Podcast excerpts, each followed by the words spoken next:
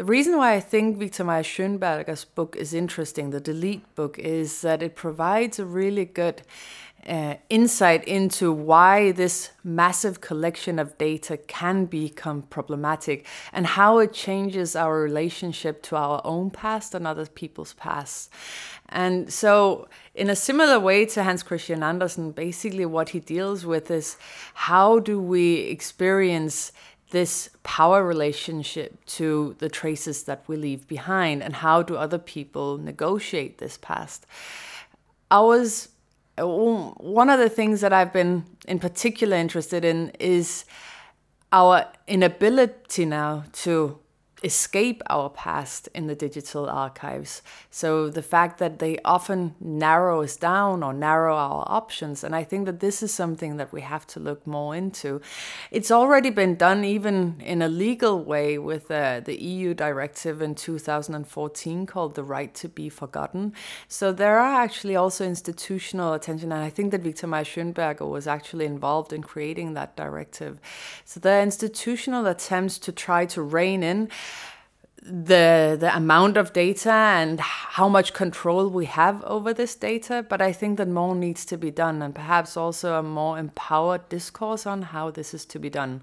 Because often it resides in in or it ends up in this notion and this is also what i experience when i teach my students that well, this is going to happen anyway, and I don't have anything to hide, so why can't we just do it? And is is it really a problem? And I'm telling them that maybe in the right now it's not a problem, but in 20 years you might suddenly find out that it's a big problem. And also, people have very a hard time, luckily, to um, expect the worst, so they will think about the way they live their daily lives. There's a story about a family, a tragic story um, but it's informative a story about a family who lost their 18 year old daughter in a car accident. She was riding her motorbike and she was decapitated. And so a police officer on site took a photo of this accident and her, and he showed it to his family as a way of letting them know that they should be careful. But suddenly, this image circulated. Uh, we don't know who did it, but someone in the family had circulated the image next year as a Halloween prank. And suddenly, this image of the decapitated girl was all over the internet. So, whenever they were looking for the girl's name or the daughter's name, the deceased daughter's name, this is what would turn up. And so, basically, now they say they they feel like they don't have the possibility to even enter the space of the internet because it's so close. So I think that these relationships and to to how we want to feature in the archive in the future are important questions.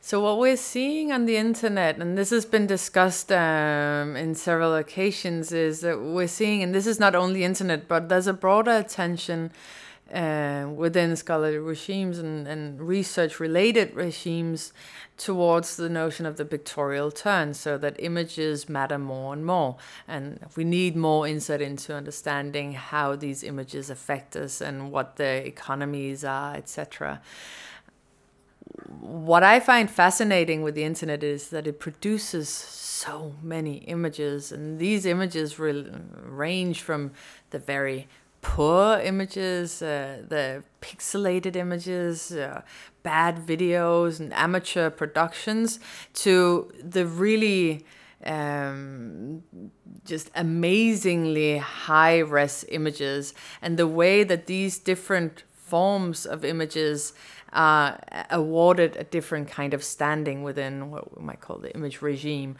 Um, so this sort of dynamic of the image on the internet has been theorized by um, a scholar called and an, artist and um, activist called Hito Steyerl, um, who's developed the theory or the, the, theme of the poor image as a new form of multitude. So these images that are no longer of use value and that are discarded from commercial circulation and that now takes a new place within uh, the image class regime, we might call, where they um, provide access instead of quality. And so they she puts a spin on the whole regime of the image as a class uh, society basically. And i find that really interesting.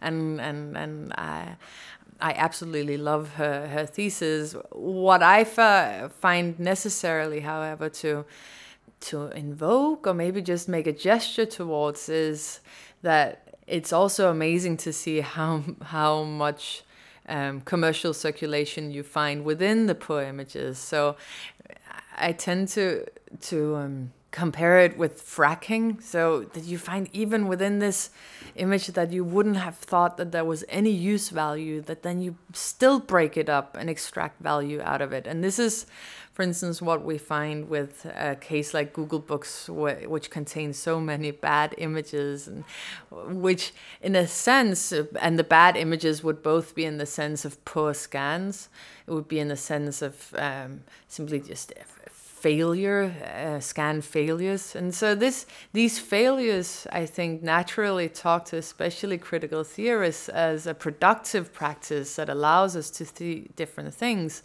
and perhaps also to mobilize um, mobilize these faulty um, practices as um, as productive practices. My argument is solely that that uh, my input to that, uh, my nuance of that is that behind these faulty images, we still find a huge exploitation of uh, workers producing these poor images. So, with Google Books, one of the reasons why they're so bad is that people are working under quite horrible conditions. Not horrible, but they're working. They're, the people who are doing these scans are the precarious workers, basically with the Google campus, the Google campus is um, is quite hierarchically hierarchically structured. So you will have different accesses depending on the the work that you do, and this will be seen as far as I remember. It's color coded. So if you are wearing one color, then you can go to certain areas of the campus. If you're wearing a different color, you can't go to these um, areas of the campus. And the people who've been doing the Google Books scanning um, are wearing the collar that that allows them absolutely no access to any kind of goods on the Google campus. And they're also not allowed to be on the Google campus. I think it's after two o'clock. So they're also actively expelled out of um, this campus. And there is actually a, a, video, you could probably link to it, or, or you can go and see it online um, by a guy called, I think he's called Andrew Norman Wilson plus you can correct me where he he took a job doing scanning and then he's filming the people working uh, the workers leaving the Google factory, and it's sort of the similar image to uh, Lumiere's um, film of uh, workers leaving the factory. So just this awareness of the entire string of image production to me is important of how they're produced and the ways that they're being uh, fracked for value. So one of the interesting things to me looking at mass digitization, and we discussed this all before, was that you were seeing uh, you were seeing the internet as one might say a massive reterritorial, reterritorial or deterritorializing practice. So something that was really shattering and uh, um, a lot of the foundations that uh, national um, infrastructure is based on.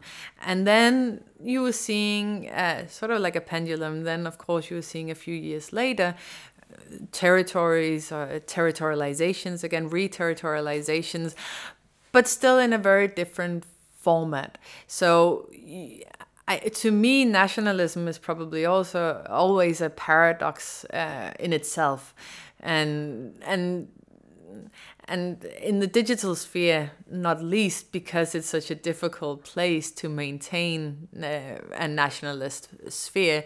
So one of the places that you could do, and this was uh, with the interesting thing about Europeana, was to make sort of a performative assertion of sovereignty. It was never a, a, a really an act, an actual uh, assertion of sovereignty because, as I show in my research, it was always bound up in globalizing practices, but there was still a need in some places to do this performative assertion of sovereignty. Now, what I found with Europeana, for instance, was then that you had a two two way um, process that I, I with Sophie Meunier, who's a political scientist based in the US, uh, who's been doing research on France in relation to the world or globalization and in relation to the EU. She uses this notion of the double talk on globalization. So, how countries can do a double talk on globalization in the EU as well. So, what we often see is, on the one hand, a performative assertion of sovereignty, but on the other hand, also sort of networked um, constellations that are uh, purely um, globalized.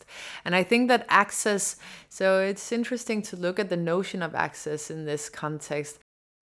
I always really like the, the, the, the, if you look at librarians, when you talk to a librarian, what his idea of access is, it's really often very ideologically driven. They often have this just wonderful notion of we need to provide access to knowledge. And I love libraries because they're still one of the few places where you feel, to my mind, really find true ideal, idealism in what they do on all levels of organization and sort of an old school resistance against. Um, against um, the spaces being used for other purposes, etc. But the notion of practice, uh, the notion of access, is perhaps also problematic in the sense that it has this very, mm, what might I say, unnuanced um, understanding of what access really is. So yes, you can access a website, but how do you access this website? What are the factors that determine what you see and all this? So I think that it's actually the in on the internet it's in particular tied up to the idea of end to end um, notion, so end to end practice. But in reality, the internet is so complex. So when you provided access, it's never just access to knowledge. And this, so the very notion of access has to be problematized in in in um, in the digital sphere, and in particular in related uh, in relation to to knowledge um, realms of knowledge the other thing, and this ties into the discussion on the data shadow, is also that when I've been talking to people working with libraries uh, on a more strategic level, for instance, Andrew Prescott, um, who's been instrumental in building the British National Library's digital collections.